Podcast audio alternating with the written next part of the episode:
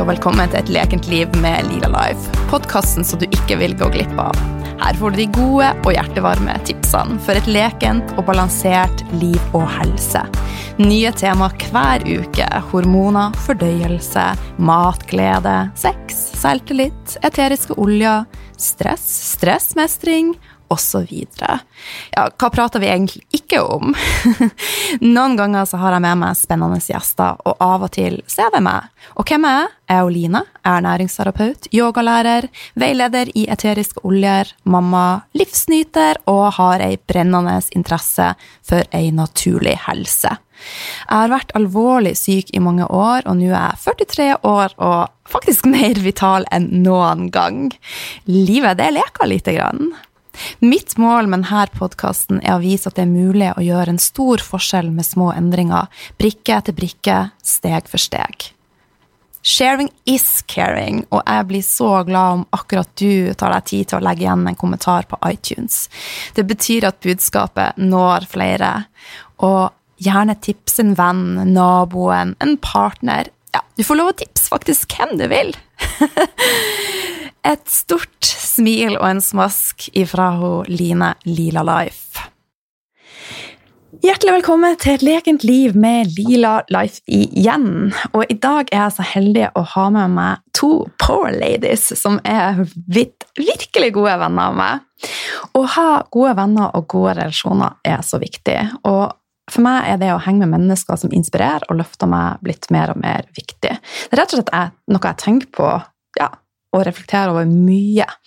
Og jeg kjenner at det er avgjørende for hvordan jeg har det, om jeg har det bra eller ikke bra. Venner er familien vi er så heldige å kunne velge sjøl, så hjertelig velkommen Helene Ragnhild og Toren! Hei! Tusen takk, hei! Skikkelig gøy å være her. Ja, takk for at vi får komme tilbake. Og sammen! Det var koselig. Jeg gleder meg så masse. I dag eh, så skal vi bl.a. prate om eh, hvordan dere feirer jula deres. Viktigheten av å henge med noen som kan tilføre noe i livene våre. Venner, familie men vel. Hvordan strukturere hverdagen. Planlegging av 2020. Manifestering. Og jentene sin syn på nyttårsforsett. Så igjen, hjertelig velkommen. Og aller først, Torunn, hvordan starta du dagen din i dag? Hei, I dag så starta jeg med en power-frokost, så jeg føler meg skikkelig bra. Eh, det er jo siste innspurt av den store magen. Så jeg Still preggy. Still preggy. Så jeg prøver å fylle på med masse power-mat, sånn at jeg skal ha energi. Så faktisk sove godt. Ny seng. Kjøpt to-ti-seng, sånn at både jeg og ammeputa mi skal ha plass. så sove godt og spiste en skikkelig bra frokost. og ja, Hørt på podkast for å bli inspirert til det her. Så bra. Da, ja. Frokosten, hva den besto av, og hvilken podkast hørte du på? Den besto av eh, surkål, greens, paprika, avokado, egg og kiwi.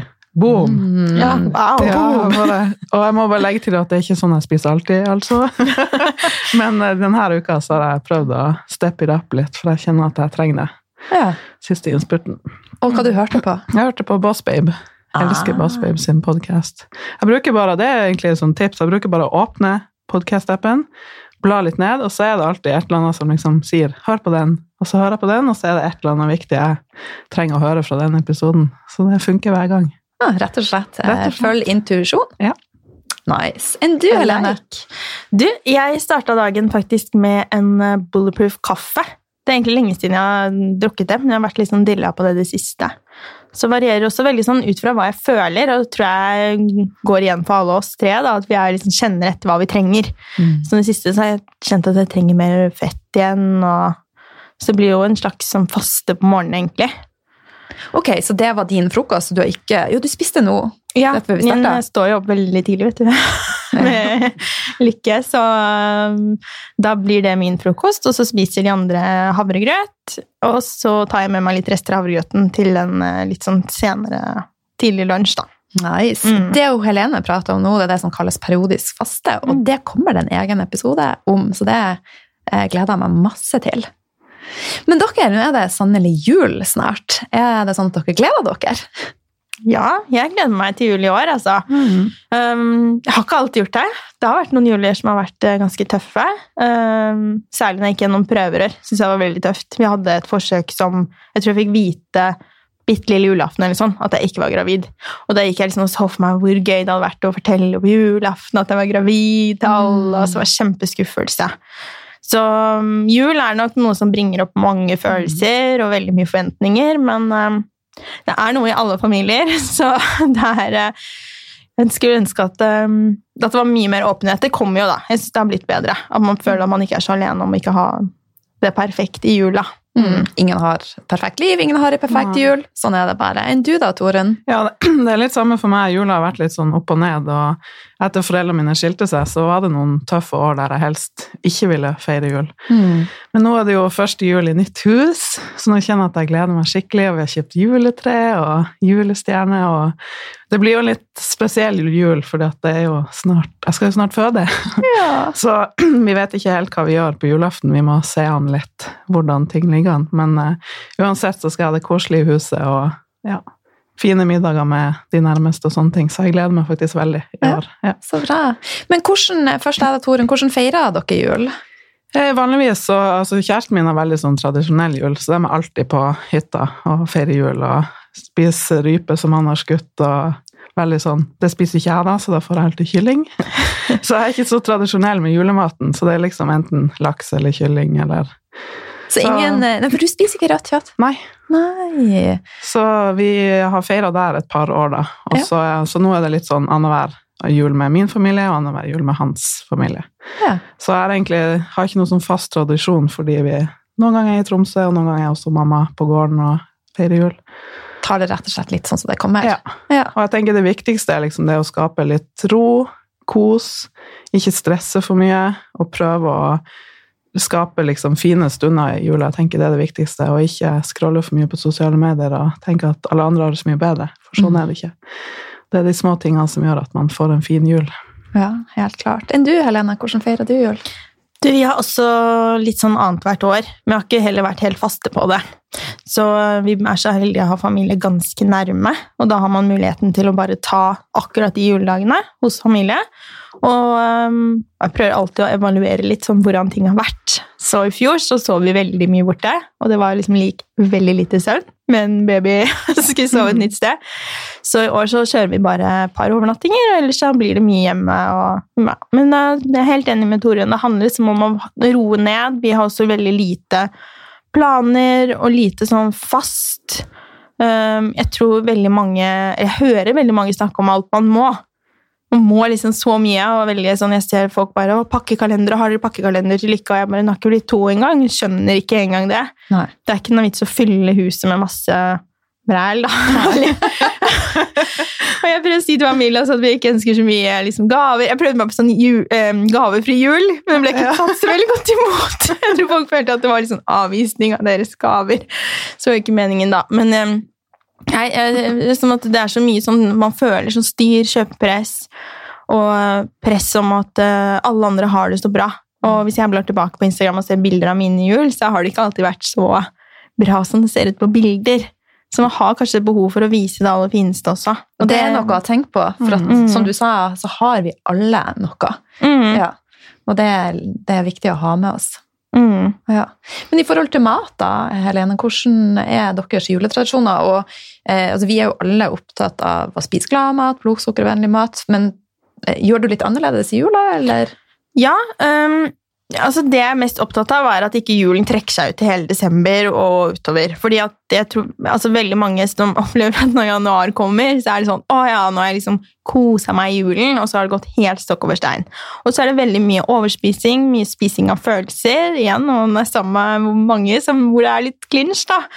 Så er det Det er helt naturlig for oss å bruke mat for å dysse ned følelser. Eh, og det er, jeg har liksom alltid sett for meg at uh, trøstespising det er sånn at du sitter alene i sofaen og griner med to liter is, liksom. Men det er ikke det. Det kan bare være å liksom spise pepperkaker. Bare prøve å ta deg selv i det neste gang. Uh, lære kundene mine at når man liksom reach for noe, da, liksom stoppe opp og tenke sånn Oi, ok, hva er det som trigga meg? Hvilken følelse er det som fikk meg til å tenke at liksom, å ja, nå trenger jeg sjokolade? Og det er det veldig, veldig mye av i julen. Så eh, det å spise mest mulig av den vanlige maten, sånn hold deg til en vanlig frokost, noen ting som setter deg opp for en god dag, ikke la det skli helt ut, ikke kom skrubbsulten i selskaper. Og så er det også viktig tenker jeg, å løfte frem at veldig mye julemat er veldig sunn. Vi spiser ikke sant, pinnekjøtt og liksom, ja, ribbe, ja, det er mye fett, men det har vi ikke vondt av. En gang i året så er det i hvert fall ikke farlig å spise mye fett. Surkål, eh, kålrotstappe, poteter Svisker. Svisker, altså. Ja, Lykke sin favoritt.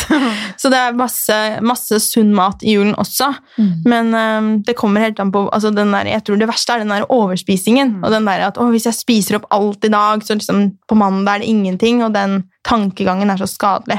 Så jeg holder meg helt unna det, og så vet alle rundt meg at jeg spiser annerledes mat. Det er ikke en issue lenger, rett og slett. Så bra. Enn for deg, Toren? Ja, det er litt samme for meg. Eh, Og jeg og Helene deler jo mye av de samme grunntankene når det gjelder mat og følelser og hvordan vi jobber med kundene våre. Så jeg er helt enig, og jeg bruker å anbefale det å spise liksom mest mulig vanlige måltider. Og mat er mat, og det som Helene sier, julematen er ikke noe spesielt annerledes enn vanlig mat. Det er kanskje litt mer fett, men det er mat, og mat er alltid bra. Så spis gode måltider. og Prøv å være i litt aktivitet, for det gjør at maten smaker bedre, du får mer ro. Det blir lettere å ta gode valg, da. Mm. Og så ikke, ikke tenke at ok, nå er det så mye julebord og desember, og så nå bare er det just let it go, og så går man all in.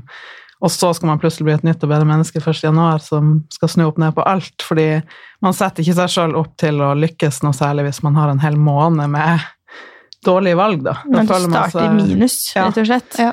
Mm. Hva tenker dere om nyttårsforsett, da? Jeg tror kanskje vi er litt like der òg. Ja.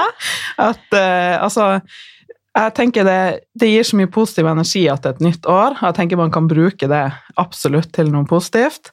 Men igjen det jeg sa, at vi mennesker er skapt på en måte, og vi tenker på en måte som gjør at det er så liten prosent som lykkes når de tenker at nå skal jeg gå all in. Nå, for det er liksom, du går fra ingenting til 100. Nå er det bare sunn mat og salat og fire økter i uka, og nå er det ingenting, og så fort du tar en bit av en sjokolade, så er liksom nå er alt ødelagt. Løpet kjørt. Begynner på nytt igjen på Mm, mandag Mm. på nytt. så er vi i den der sirkelen igjen. Og det å i stedet gjøre små ting, begynne med det, få mestringsfølelse, få motivasjon til å fortsette, så slipper du å sitte om et år og angre på at eh, ja, nå må jeg prøve på nytt. Da, ja. Se over det du satte deg i fjor. Mm. Hvis du på en måte satte at nå skal jeg begynne å trene, så er det sånn Ok, hvordan gikk det? Hva var det som stoppet meg? Og hvorfor har jeg ikke fått det til? Og da faktisk sette et mål som er nå, altså oppnåelig i forhold til det du faktisk får til, og hva du faktisk vil. For mange av oss blir sånn veldig sånn Å, nå skal jeg begynne å trene, men er det det du egentlig vil? Hvis du faktisk ikke har lyst til å gå på treningssenter, så kanskje du da, da går det ikke. Og det er akkurat samme med mat. At liksom Det Mm. aller viktigste for å lykkes i å spise noe annet enn du gjør i dag, er at du liker maten.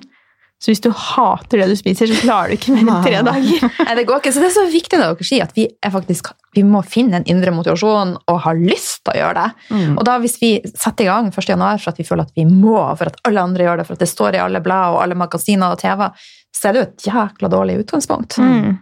Ja. Så, um, men i forhold til jula, da, er det noe vi må I forhold til julesnop, da? Dere, eh, er, har dere noen favoritter? Har dere noe dere lager? Jeg lager masse altså Det går litt opp og ned, men jeg lager egentlig mye sånn i desember. av sånn sunnere. Jeg liker å ha sånn raw food, pepperkaker. Lager pepperkakecookies, som jeg er veldig glad i. Eh, Vi baker pepperkaker. Det er mye pepperkaker her. Ja. Altså, Helene du kan jo elsker la- pepperkaker. Ja, Helene elsker pepperkaker. Helene elsker pepper. Ja. Nei, faktisk ikke. Men eh, du kan lage veldig mye sunt og godt, men det jeg tenker er at i akkurat i, på sånn julaften og lille julaften og sånn, så bare altså, spis det du syns er aller best. Eh, I vår familie så er vi veldig glad i sånn skumnisser. Altså, det er jo liksom, ja, det er jo helt krise ernæringsmessig. Men det er ikke sånn at jeg bare Å nei, jeg skal aldri røre en sånn skumnisse, liksom. Det er to-tre dager i året man spiser det. Men jeg spiser heller ikke to poser, for jeg tenker sånn Fader, nå er det et år til neste gang, så jeg må stappe innpå. For da blir det helt feil. Ja. Men jeg vet jo fra meg selv før, og det er så, jeg føler at det er så lett for oss å sitte nå hvis man er i balanse, og man har jobbet gjennom det her, men jeg vet at veldig mange som lytter nå, kanskje enten er liksom Ja, men jeg klarer ikke å stoppe, ikke sant? Jeg har liksom Og det, jeg tenker at det er så viktig å løfte frem at det er ikke din skyld, for det er Nei. sånn kroppen vår er designet. Jeg sier jo alltid det til mine kunder også, at det er ikke sånn at altså, Verden har endret seg så mye, men evolusjonen, altså biologien din, har ikke det. Så vi higer etter søtsaker, og vi, bru, altså, vi er skapt for å spise søtt når vi finner det. Så du er nødt til å lage deg en strategi som fungerer. Mm. Så Enten om det er å spise mye nok på forhånd, så du er mett, eller at du bestemmer deg for hvor mange du skal spise av noen ting.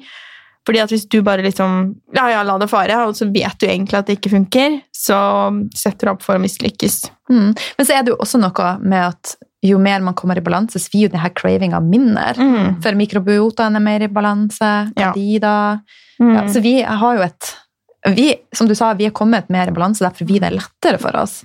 Mm. Jeg er veldig glad for at jeg har fått kjenne litt på hvordan det kan være i løpet av graviditeten, for jeg har jo ikke alltid spist så sunt og klart det, eh, og det har blitt litt lenge mellom måltidene, og så er du mer sulten, men så er det, det er jo mye som skjer med kroppen når du er gravid. Og da har jeg virkelig fått kjenne på det her at lite søvn, dårlig mat, ingen aktivitet, altså man blir som et monster. Det er liksom altså det, er, Hvordan er Torunn monsteret? Gravidmonster, ja, det er bare sånn, du hopper i smågodtskåla, liksom. Det er det eneste alternativet som fins. Og det har vært så godt for meg å kjenne på det og bare føle litt på det, for at det er så viktig at vi får frem det at det er ikke din feil, det er ikke din viljestyrke det er noe galt med, du trenger ikke å ha det sånn.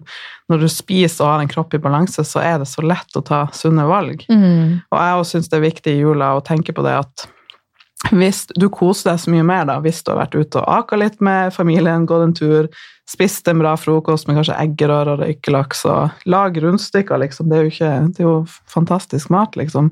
Og så kommer inn på kvelden og koser deg med litt av det du har lyst på, og kanskje en miks av sunnere ting, men også det du har mest lyst på. Mm. Og ikke tenke at du må benytte sjansen nå, fordi 1. januar så det er ikke lov. Og det er mange gjør feil i år, sånn fra 1. januar skal jeg godtestopp. Jeg bare ser sånn Facebook-gruppe 30 dager uten sukker, og det er sånn 100 000 som blir med! Og jeg tenker bare nei!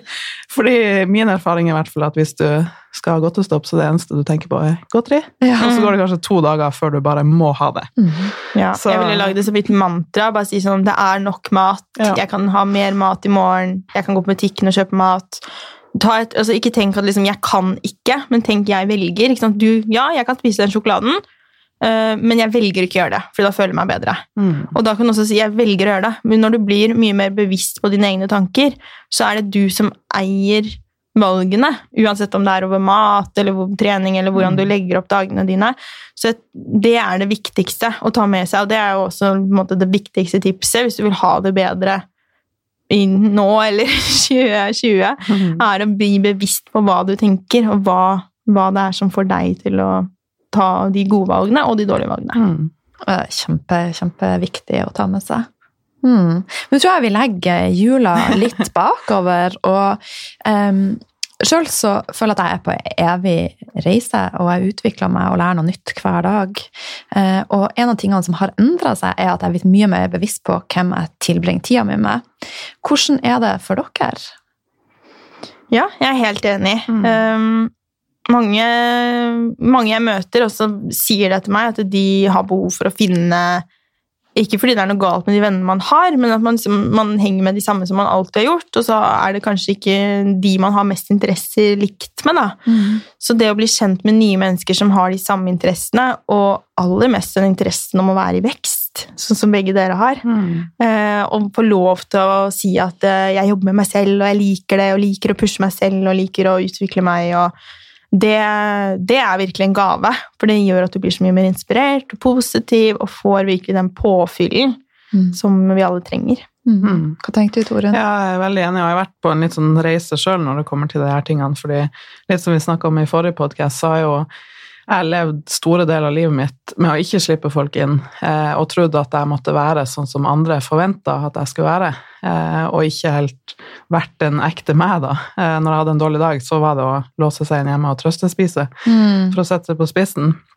Og de siste årene så har jeg virkelig liksom åpna meg, fått folk inn i livet mitt som ser meg for den jeg er, og lar meg få blomstre som den er. Oh, Og det er en fantastisk følelse. Ja. Eh, Og ikke minst liksom samboeren min, som er bare Jeg kan begynne å gråte når jeg snakker om det, fordi han er virkelig det er så ubetinga respekt og kjærlighet. jeg tenker Det er så viktig at vi mennesker har noen sånne i livet vårt, for at det, det gjør deg så mye tryggere. og Jeg unner virkelig alle å ha det. Så det er natt og dag å ha en gjeng rundt deg som du bare kjenner gir deg energi, du kan være deg sjøl. Sånn, jeg jobber jo mye med det her med kvinners forhold til mat, og det er ofte et behov for trøstespising kan også komme av at man har feil folk i livet sitt. da. At man ikke tør å sette grenser, og man føler ikke helt at man blir sett for den man er. Og da blir det lett å ville rømme til maten. For Mm. Eller andre som- rusmidler. Ja. Altså, ja. Sex eller alkohol eller Mm. Ja. andre ting, da. Så, Og så er det litt viktig å poengtere at det er ikke snakk her om at noen mennesker er dårlige og noen er gode. og Det er jo bare så lett å snakke om hvem som passer i lag, og hvem som utfyller hverandre. For at jeg har hatt og har mange fine venner, men likevel så er vi veldig forskjellige. Så med å henge med mennesker som, som dere nevnte, som brenner for det samme, så det er en helt annen følelse. Mm. Ja. Så når dere eh, skal henge med så Helene, hvis du skal henge med noen, hva, hvilken følelse har du lyst til å kjenne på? Eh, ja. Jeg har lyst til å ha venninner som er eh, positive, og det betyr ikke at de trenger å være glade hele tiden, men det er veldig viktig for meg at de er ærlige.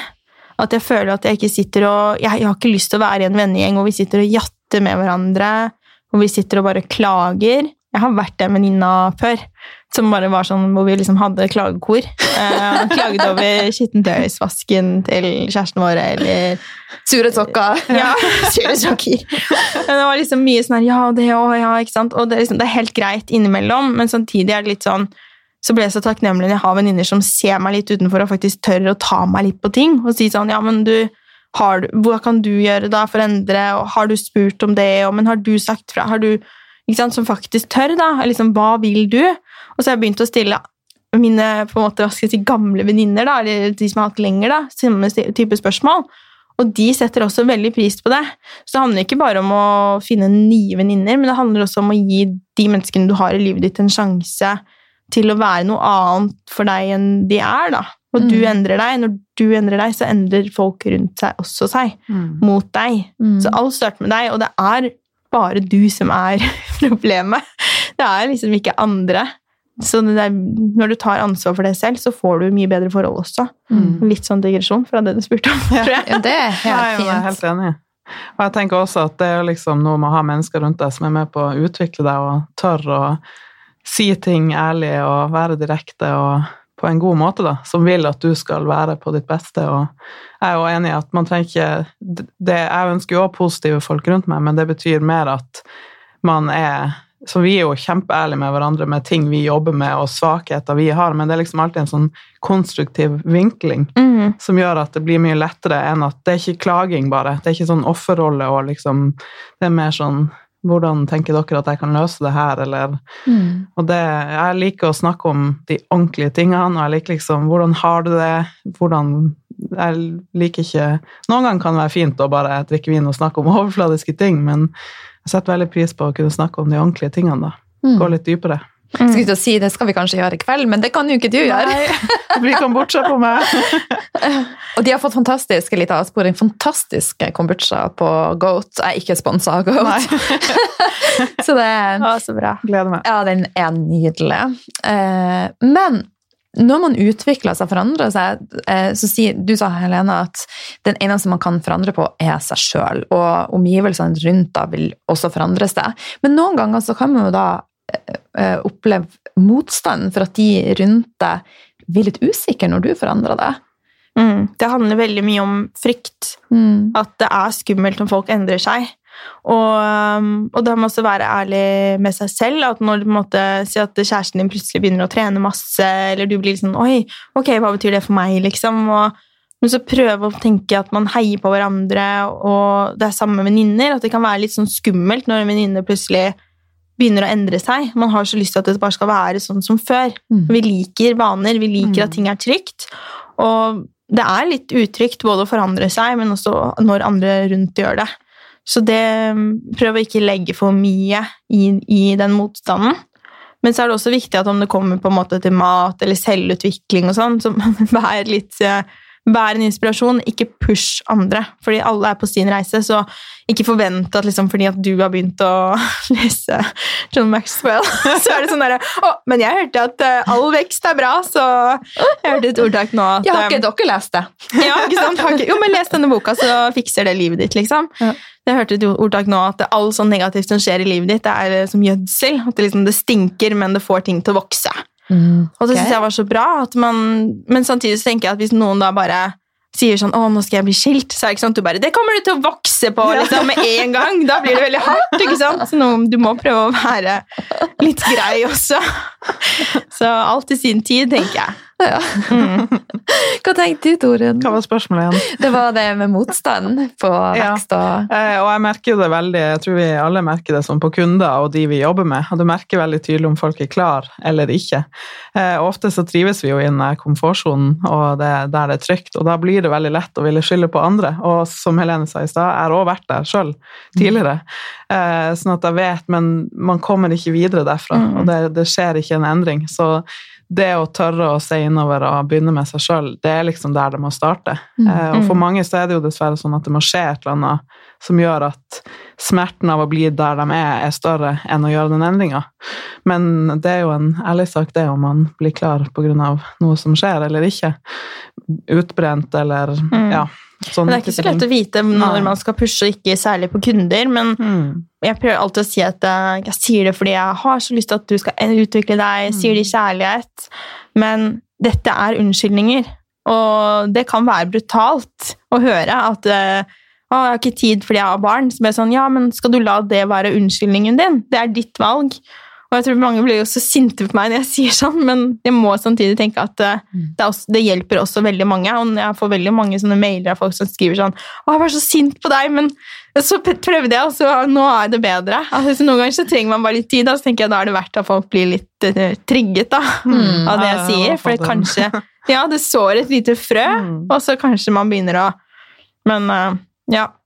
Jeg måtte slutte å følge deg for et år siden, for jeg var ikke klar, men nå ja. har, nå er, har jeg endra hele livet mitt, og tusen takk. Og liksom. Mm. Jeg tenker Det er så viktig å vite det, både sånn, for oss som jobber med kvinner, da, og endring, men også i relasjoner. Som Helene sa, være en inspirasjon, motivere, men ikke liksom påtvinge andre ting som de ikke er klar for sjøl. For det Mm. har ikke noe hensikt.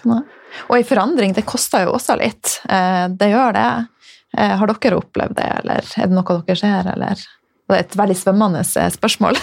Ja, altså jeg tenker alltid på sånn Hvis du har et mål, da, uansett om det er at du og si at du skal begynne å spise bedre, så må du tenke sånn Ok, hva vil det koste meg? Og bli bevisst på det, fordi da kan du faktisk ta et aktivt valg. Hvis du da tenker sånn Ok, da må jeg to ganger i uka så må jeg lage opp mer mat hjemme for at det skal gå opp. Jeg må planlegge maten. Så jeg må sette av tid da og da, og da får jeg ikke sett på Netflix akkurat da. Eller du kan se på Netflix mens du lager mat. Du kan faktisk høre på podkast. Ja, du kan høre på podcaster, men du må liksom bare tenke sånn, ok, si du er i en venninnegjeng som drar veldig mye ut, så plutselig så bestemmer du deg, liksom du får den helspiste livsstilen og sånn, og, og der, um, da blir det en utfordring, ikke sant? Da kan ikke du være liksom på nachspiel hele natta, hvis du også har lyst til å stå opp og trene tidlig. Så da må du tenke sånn, ok, hva, hva må jeg offre, og er jeg villig til å offre det? For da tar du et veldig bevisst valg. Men det er klart at du får Du kan ikke få alt på en gang. Du kan få alt i livet, men du kan ikke få alt på en gang, tenker jeg. Mm. Nei, og Noe av det vanskeligste for oss mennesker er jo å endre vaner, mens noe av det letteste er å beholde dem. Og Det er så viktig å minne seg sjøl på det, at det er likt for alle. Det er ikke Mm. noe unikt for bare deg, liksom. Så det å se litt over totalen i livet sitt og skape et rom og tid og plass til å gjøre den endringa, er viktig for å lykkes. Mm. For ellers så å være bevisst i det, for ellers så vil det ikke gå for noen. Og det er ikke bare din feil at det ikke går for deg. Sånn er det for alle, liksom. Vi har bare 100% kapasitet, og veldig mange pusher de grensene og skal liksom, som Helene sier, gjøre alt på en, en gang, men det er ikke realistisk. Da blir det ikke lystbetont, det blir ikke Du får ikke den motivasjonen du trenger, og mestringsfølelsen da, for å fortsette i prosessen. Mm. Men det er krevende å gjøre en endring. Det har vi jo alle kjent på big time. Men Mm. det er så verdt det.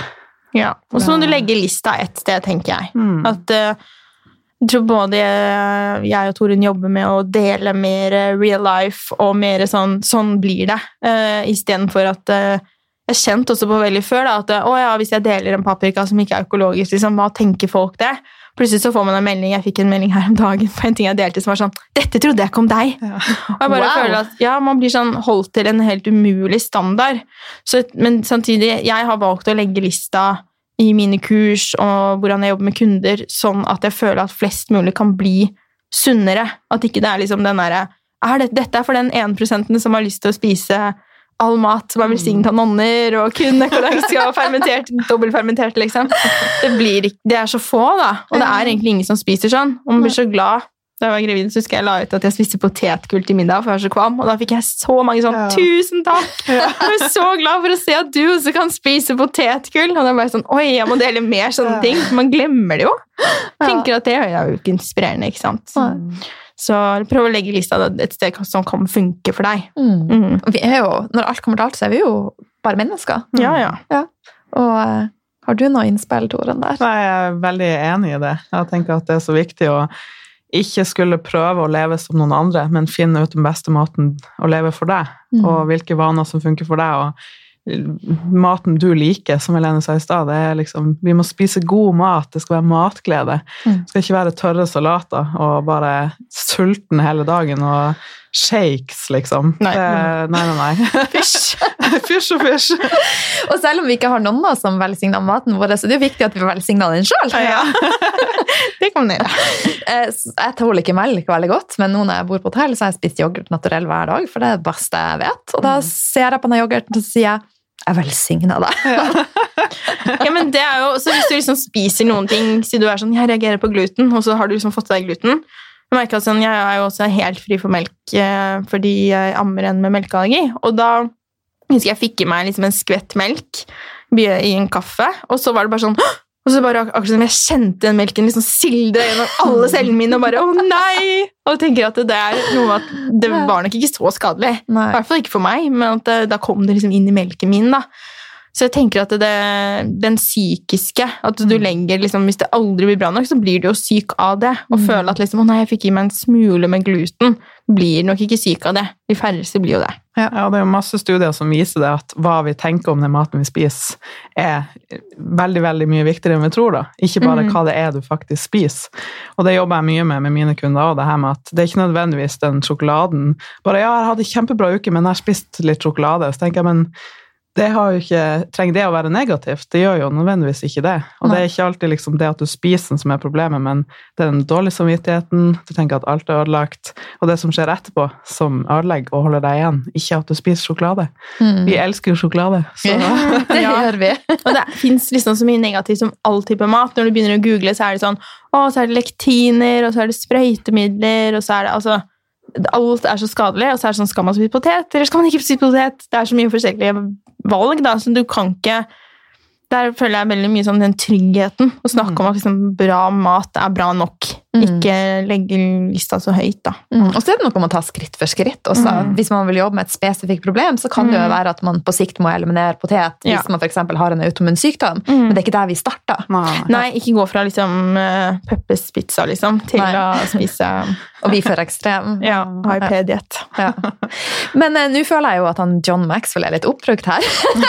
jeg tror at jeg har en liten fetisj på han, men eh, Folkens, han er snart han, vi også. Ja, ja, Han er snart 80 år, og han er prest og godt gift, så dere må ikke misforstå. Men eh, generelt så har jeg mange som inspirerer meg, og én en ting som de har felles, det er at eh, heng med noen som inspirerer deg, som er kommet et skritt videre enn deg, som kan være med og lære deg noe. Og da tilbake til John Maxwell, han bruker å si at hvis du er eksperten i rommet til hver tid, så er du på feil sted. Så du må finne en som faktisk er lenger enn deg i prosessen. Og dere er jo to som inspirerer meg veldig mye. Eh, og jeg vet at dere har vært på, eller er på spennende reiser, dere har tatt masterklasser, er med på kurs, dere er opptatt av å utvikle dere. Kan ikke du, Helene, fortelle litt hvor du starta, hvilken kurs du har tatt, og hva som inspirerer deg? Oi, ja. ehm, jeg har tatt en del, eh, tatt en del nettkurs, eh, egentlig mest sånn på business. Eh, for det er jo det man må lære i tillegg. Når jeg var ferdig med, med utdannelse innen ernæring, så visste jeg jo ikke hvordan jeg skulle gå ut og jobbe. Det hadde vi ikke så veldig mye om, i hvert fall på den bacheloren jeg tok. Så, um, og så har jeg også hatt en mentor i ja, tre-fire år nå, Gry Sinding, som har hjulpet meg enormt. Og hun er jo, som du sier, alltid et skritt, skritt foran meg, da. Så det, um, det har vært alfa og omega for meg. Å ha noen som ser meg utenfra, som tør å pushe meg, som, som, eh, ja, som hjelper meg til det neste nivået hele tiden.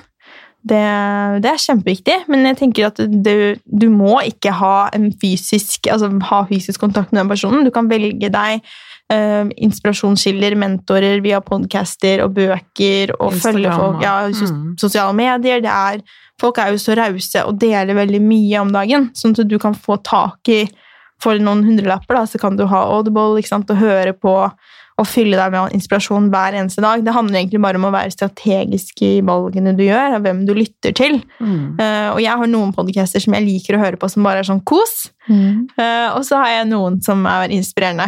Og uh, da er det som velger jeg ut ifra hva jeg trenger den dagen, da, sånn som Torunn sa i stad.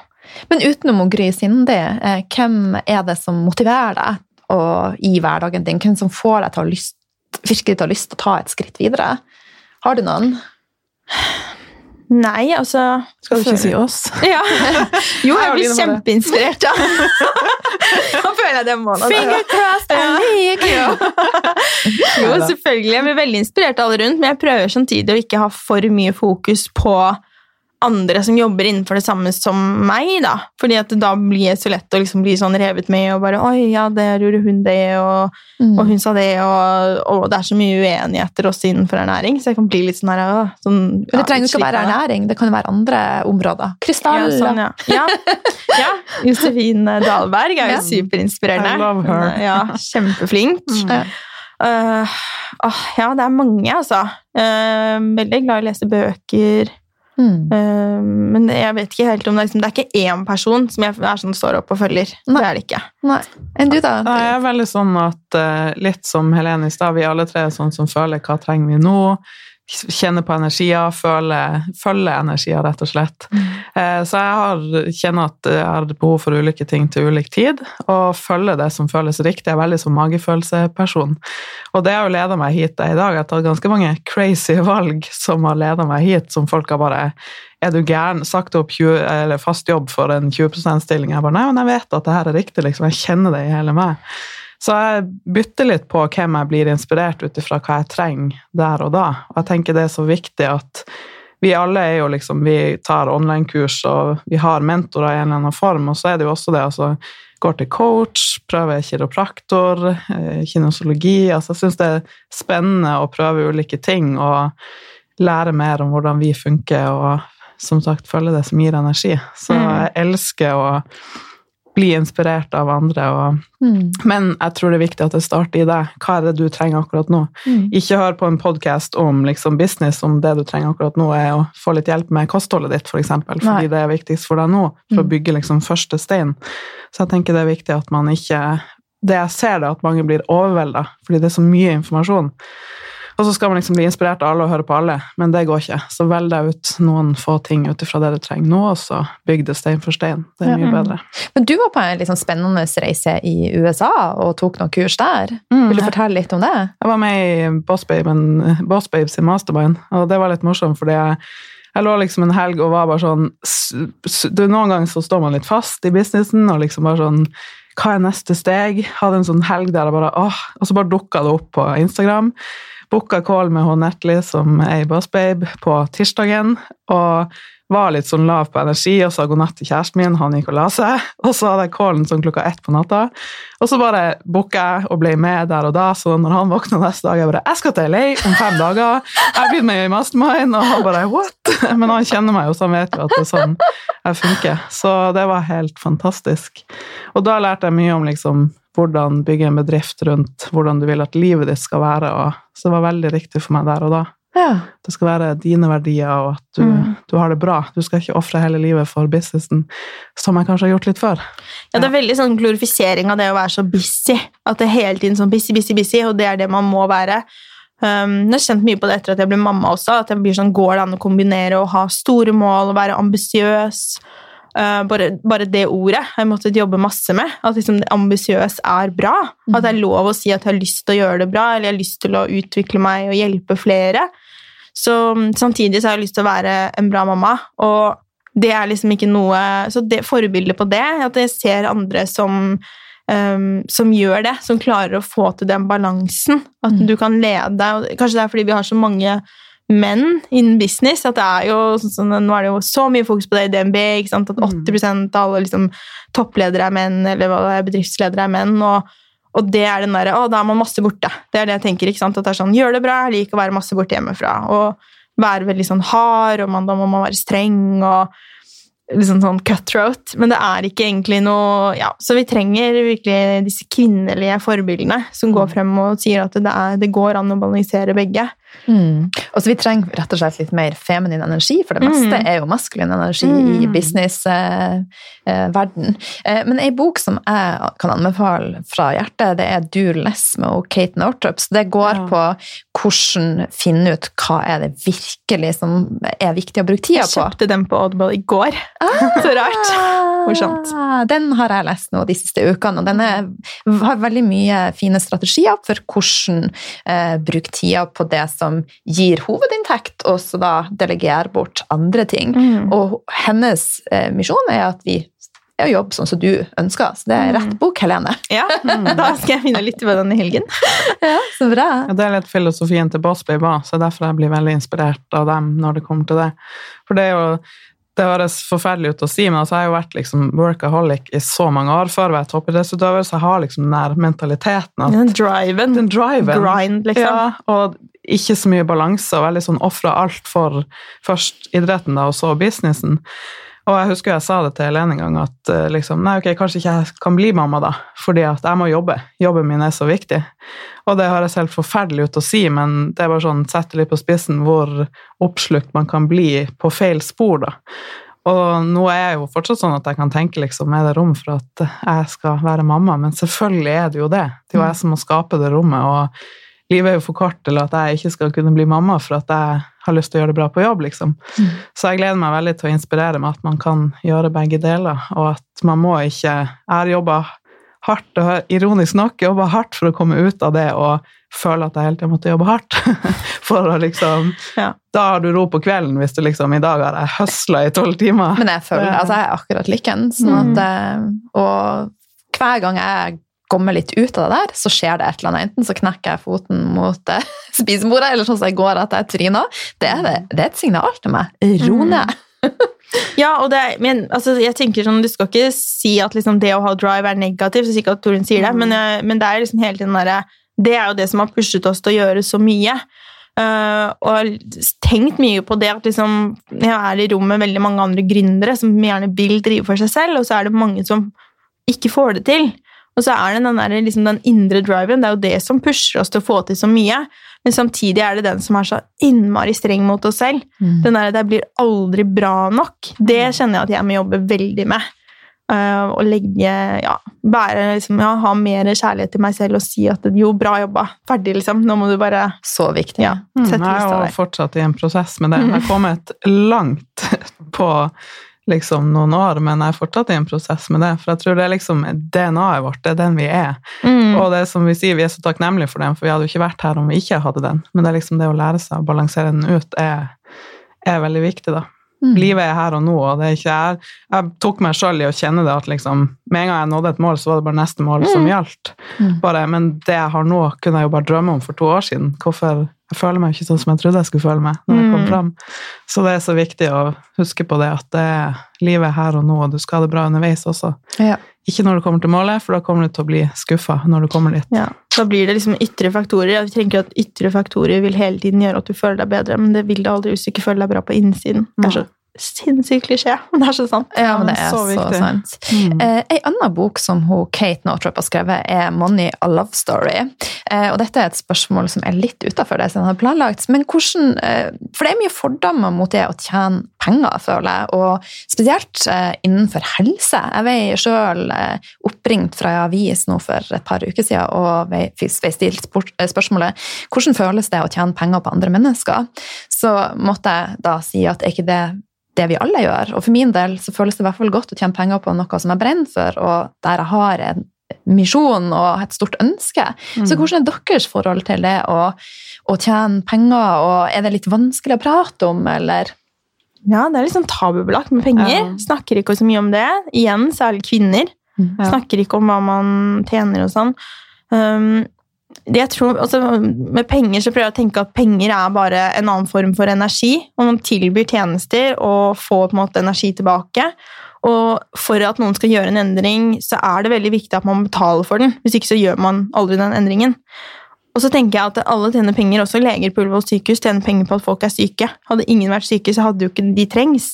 Nei. Så, og det, det er så mange som gjør så mye Jeg snakka med en venninne om det her i går. Det er så mange som gjør så mye negativt i verden. Som selger Tenk på alle de som tjener penger på Tenk hvor folk, rike Drugs. folk har blitt Ja, altså alt sånn menneskehandel, våpen, narkotika Det er så mye negativt. Så det at det, man lærer opp folk å spise bra, eller hjelper folk med gode produkter som faktisk ikke er helsefarlige, det kan vi ikke ha dårlig samvittighet for. Det blir for dumt. Ja. Men det er en slags tanke i Norge om at alt skal være gratis. eh, Men det funker jo ikke. Det ser man jo. Det hadde jo ikke så mange stått uten hjelp, da. Nei. Nei, du må investere for å Da gjør du faktisk jobben. Mm. Det, man ser jo det på mentaliteten til de kundene vi jobber med òg, at Mm. Ok, men jeg har investert, så det her skal jeg følge opp. Så, Mm. Og det har jo vi òg kjent på. At Mm.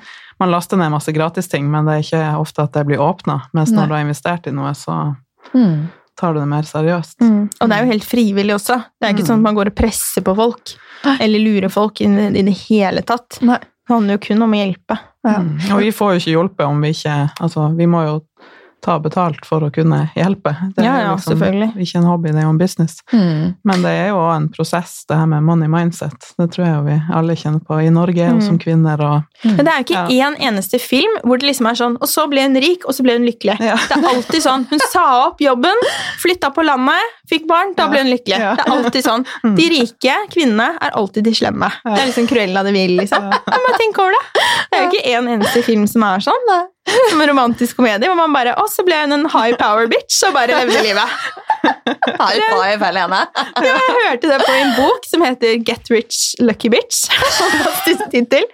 Også en sånn money mindset-bok. Men da jeg hørte det, så var jeg sånn Oi, oi, oi! Det var sånn åpenbaring. Mm. Det er jo helt sant. Man har vokst opp med at liksom, penger er negativt.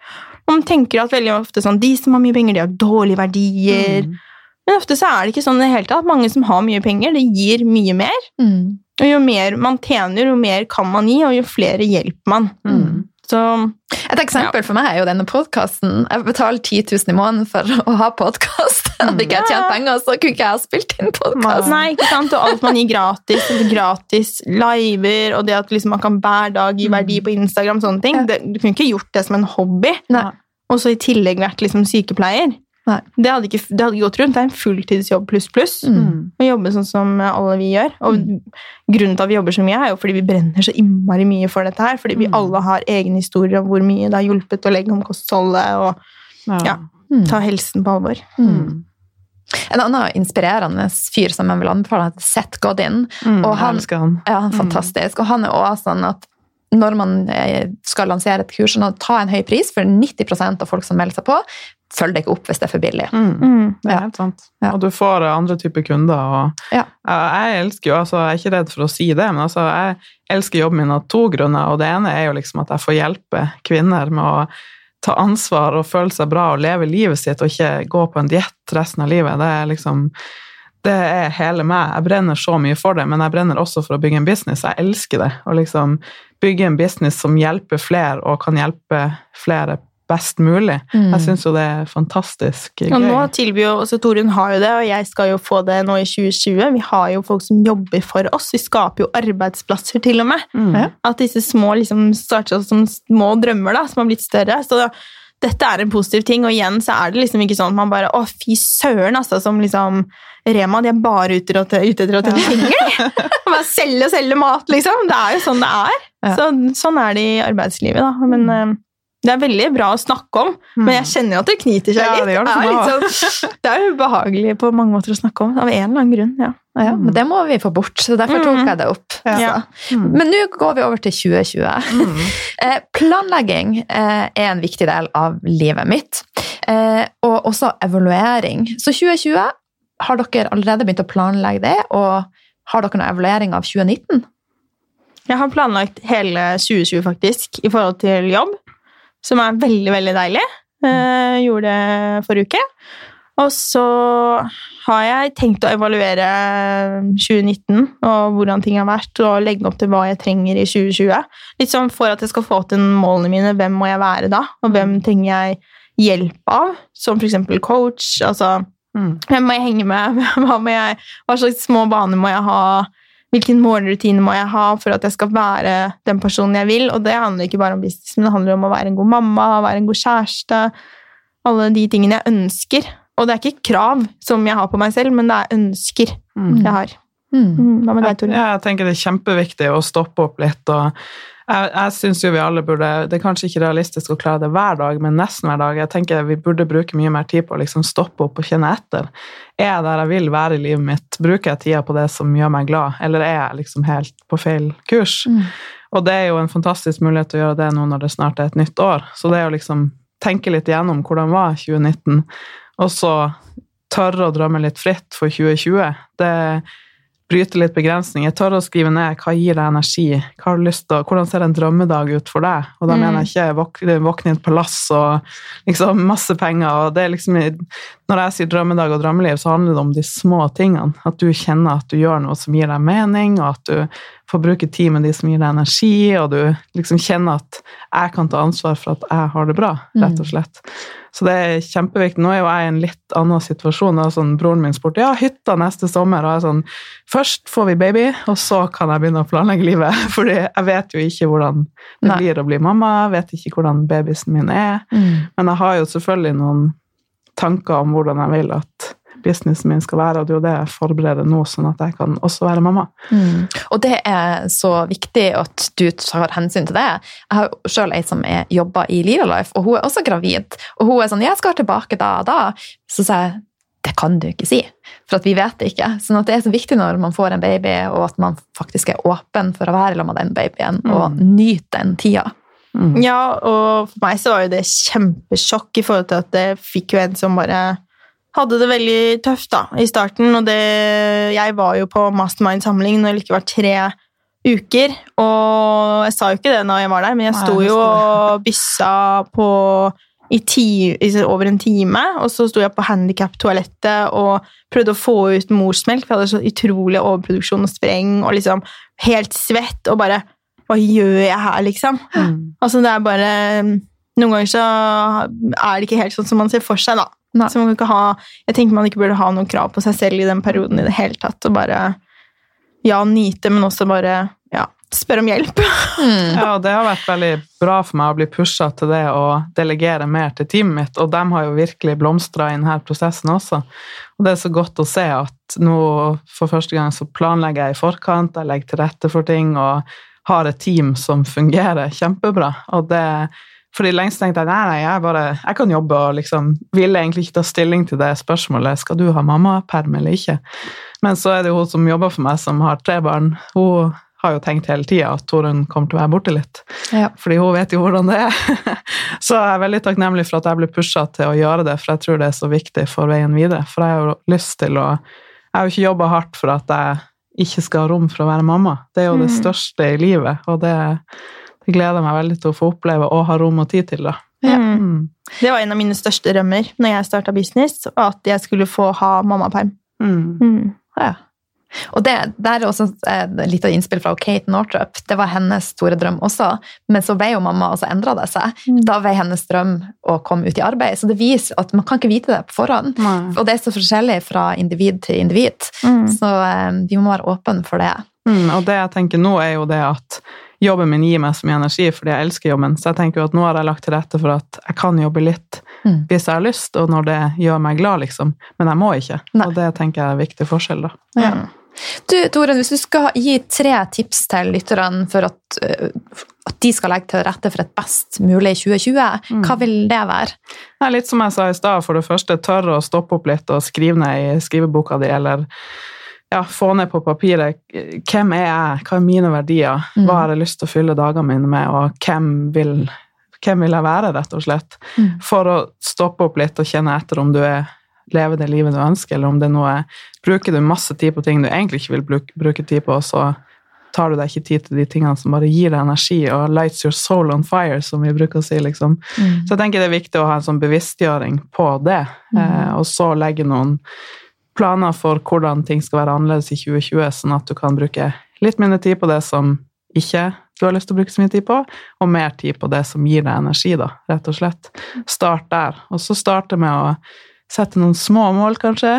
Spise Kanskje begynne med frokosten. Smoothie, som jeg og Helene elsker. Prøv det, istedenfor å liksom skulle I 2020 skal jeg spise fire sunne måltider og trene fire ganger i uka. Ikke begynn der, men heller ta tak i én ting først. Mm. Men du, Mm. Helene?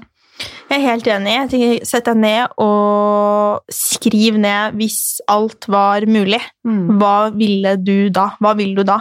Og det bruker jeg i veldig mange situasjoner. Når jeg står liksom i en clinch, da, så er det sånn Men hva vil du? Hvis måtte, situasjonen var perfekt for deg, hvordan hadde det sett ut da? Og da finner du virkelig ut hva du skal gå for. Er det da, ikke sant? Og liksom, hvordan skal du jobbe? Hvordan skal du planlegge dagene dine? Hva skal du spise? Hvordan hadde det sett ut hvis det virkelig var akkurat sånn som var best for deg? Eh, og ikke, liksom, ikke sette opp masse sånne scenarioer. Ikke tenk sånn Ja, men jeg kan ikke det fordi at mannen min jobber i Nordsjøen. Og, ikke, tenk på det. Bare liksom tenk hva hvis alt var mulig. Og så ville jeg absolutt anbefalt å gå til coaching. Mm. Det er det som altså, er life-changing. Å begynne å jobbe med alle disse tingene. Hva er verdien din? og alt sånt. Jeg tror det, det er også mine råd, men at jeg, jeg anbefaler veldig å investere i en coach og, um, og spørre etter en anbefaling hvis man vil ha det. Mm. Um, I forhold til det å, å få hjelp til disse tingene. Fordi det er ikke så lett å bare sette seg ned og bare hva er verdiene mine når man ikke har jobbet med det før. Uh, og så tenker jeg akkurat samme. Start med en bra frokost. Det var det jeg tenkte å si også. At uh, start dagen bra, så, så er du virkelig gull. Og ha den planlagt hva det skal være dagen før. Og kjør gjerne samme frokosten, sånn at det blir enkelt for deg. Men, uh, men ikke, ikke stå på morgenen og velg, for da, da begynner du dagen uh, on a low, da, tenker jeg. Mhm. Sjøl har jeg begynt å lese litt om manifestering, og begynt så vidt å integrere det i min egen hverdag. Hvordan er det med dere? Ja, jeg bruker manifestering. Jeg synes det var spennende at du ville spørre om det, og at du sa sånn, kan jeg spørre? Så jeg var bare sånn, Line, du kan spørre om alt. Men uh, ikke sikkert jeg svarer.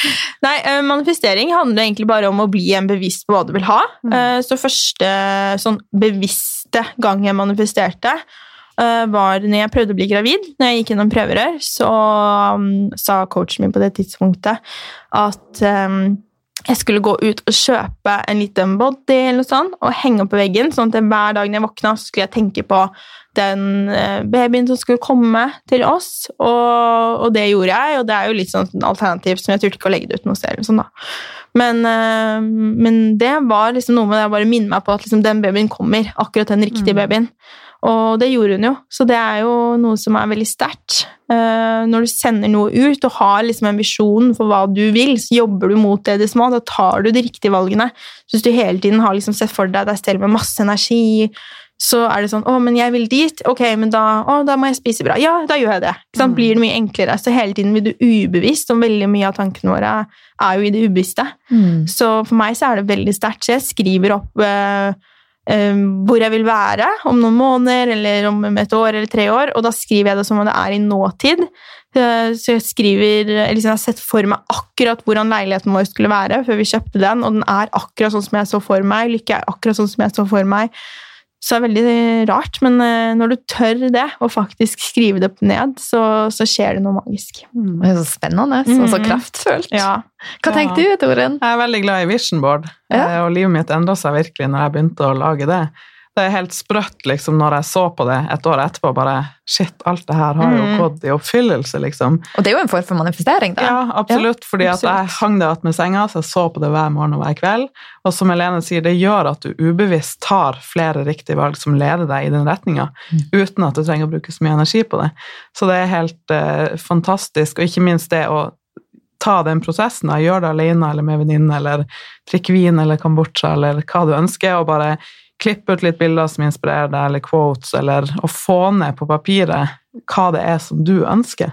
Det må starte der. Mange bare vet ikke det engang. Og da, hvordan skal man klare å komme dit, liksom? Mm. Så jeg bruker å lage nye vision board jevnlig når jeg kjenner at jeg er klar for liksom neste Skritt. fase. Mm. Og det er nesten ut Nå er jeg jo liksom i drømmehuset mitt, og ja Drømmemannen og en baby på vei, og det er liksom så mye som Og det høres kanskje litt som drømme, drømme, drømme, men det er som sagt de jordnære verdiene det som ligger bak for min del, da. Men det, jeg tenker at det er så mye av det som har skjedd de siste årene, som nok ikke ville skjedd hvis ikke jeg bevisst fikk ned at det var det jeg ønska meg, da. Mm. Og så er det noe med å ønske, men dere jobber jo begge aktivt for å, at deres drømmer og ønsker skal realiseres.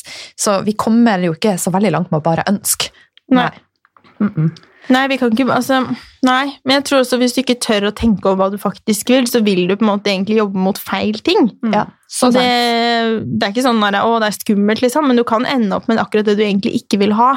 Hvis du fortsetter i samme ting, hvis du fortsetter å ta imot, siden du har liksom noen i familien som ringer deg og klager og klager, og klager. Hvis du aldri på en måte gjør noe med den situasjonen, så vil du bare få mer av det. Mm. Så du må være veldig bevisst på sånn, oi, hvordan påvirker dette meg? Mm. Hvordan kan jeg endre det? Ok, kan jeg sette en grense? Så det er jo en hel podkast i seg selv med grensesetting. Mm. Men jeg tenker at det ja, det er derfor jeg også anbefaler så veldig å gå til coach, for da får du så begynner man liksom å komme sånn inn i lagene, da, akkurat som å skrelle en løk. Mm. Og du blir så mye mer kjent med deg selv, og da blir det mye lettere å finne ut hva du egentlig vil. Mm. Jeg er overrasket over hvor mange kvinner særlig jeg spør, men hva vil du? Og så er det sånn, jeg vet ikke. Nei. Jeg vet egentlig ikke hvordan jeg vil at det Hva skal se ut. Hva tenker du at jeg vil, liksom? Ja, jeg tør ikke helt å tenke på det. For da må kanskje andre rundt tilpasse seg meg, og det er så fjernt for mange av oss. Mm. Vi skal begynne å runde av. Tida har flagget. Vi har skravla lenge. Eh, helt på tampen, er det noe som dere tenker at vi har glemt, som vil være av verdi for lytterne? Vi har jo vært innom veldig mye. Ja, jeg tenker liksom Det viktigste takeaways er jo det her med at skape en bevisstgjøring for deg sjøl, først og fremst med hva du ønsker å ha i livet ditt, og Mm. hvem du vil være, og så vite at du trenger ikke gjøre det alene. Få hjelp, be om hjelp. Finn noen som har gjort det før deg, eller som kan hjelpe deg et steg videre, og bare sette av tid til noe som er viktig for deg. Det Mhm. Du fortjener det å ha Vi er veldig sånn at vi ønsker å gjøre alle andre glad, og det er en fantastisk egenskap, men det er så viktig at du også prioriterer deg, for da har du mye mer å gi til de rundt deg. Mm. Jeg tenker det er kjempeviktig å starte der. Og så Mm. små ting. Begynn med smoothien til meg eller Helene, og liksom ikke tenk all in i 2020. Vi skal komme langt i 2020, men vi kommer lenger hvis vi tar små steg. Mm. Mm. Jeg er helt enig. Bare bli bevisst på hva du trenger, hva du vil ha. Og ja, fokusere på takknemlighet. Det har vi jo Mm. helt glemt å nevne. Men øh, skriv ned eller tenk over hva du er takknemlig og det kan være kjempesmå ting. Så jeg tenker alltid sånn, Hvis jeg er ute og kjører og så får jeg grønt lys, så er jeg sånn Yes, jeg er heldig! Jeg får grønt lys! Jeg har grønn bølge i livet!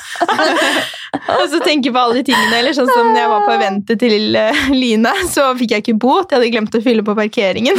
Og så når jeg kom til bilen, så var jeg sånn Yes! Jeg var heldig, jeg fikk ikke bot! Samle på sånne små ting i hverdagen. Når du har gratis kaffeklipp og liksom alle den der hverdagslykken. da. Alt og bare åh, dette er den beste. Når du begynner å bli excited for livet ditt. Og bare mm, For en god kaffe. Jeg tror det er en Friends-episode hvor det er en som er sånn der, Oh my god, på alt! De blir så gærne, de andre i Friends. Så det jeg Phoebe sin date da, som hun dumper. Men du trenger ikke å ta det så langt. så sett episoden. Men eh, bare det å begynne å liksom være sånn wow, og si hei til folk, og liksom bare Mm. Ja, bare være også positiv, så får du så mye mer igjen. Mm. Du, du ser at det, egentlig så er liksom alt mulig for deg. Mm. Mm. Så viktig. Du, det har vært eh, utrolig artig å ha dere begge her. Mm. Det er sånn dobbel lykke. har vi hatt lykke her, og så har det vært sånn trippel lykke. så tusen hjertelig takk, eh, Helene, Ragnhild og Torunn, for at dere ville være med her.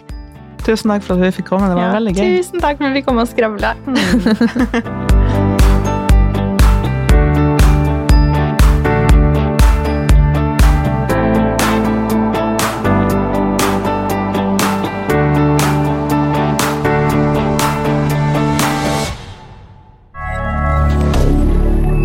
media.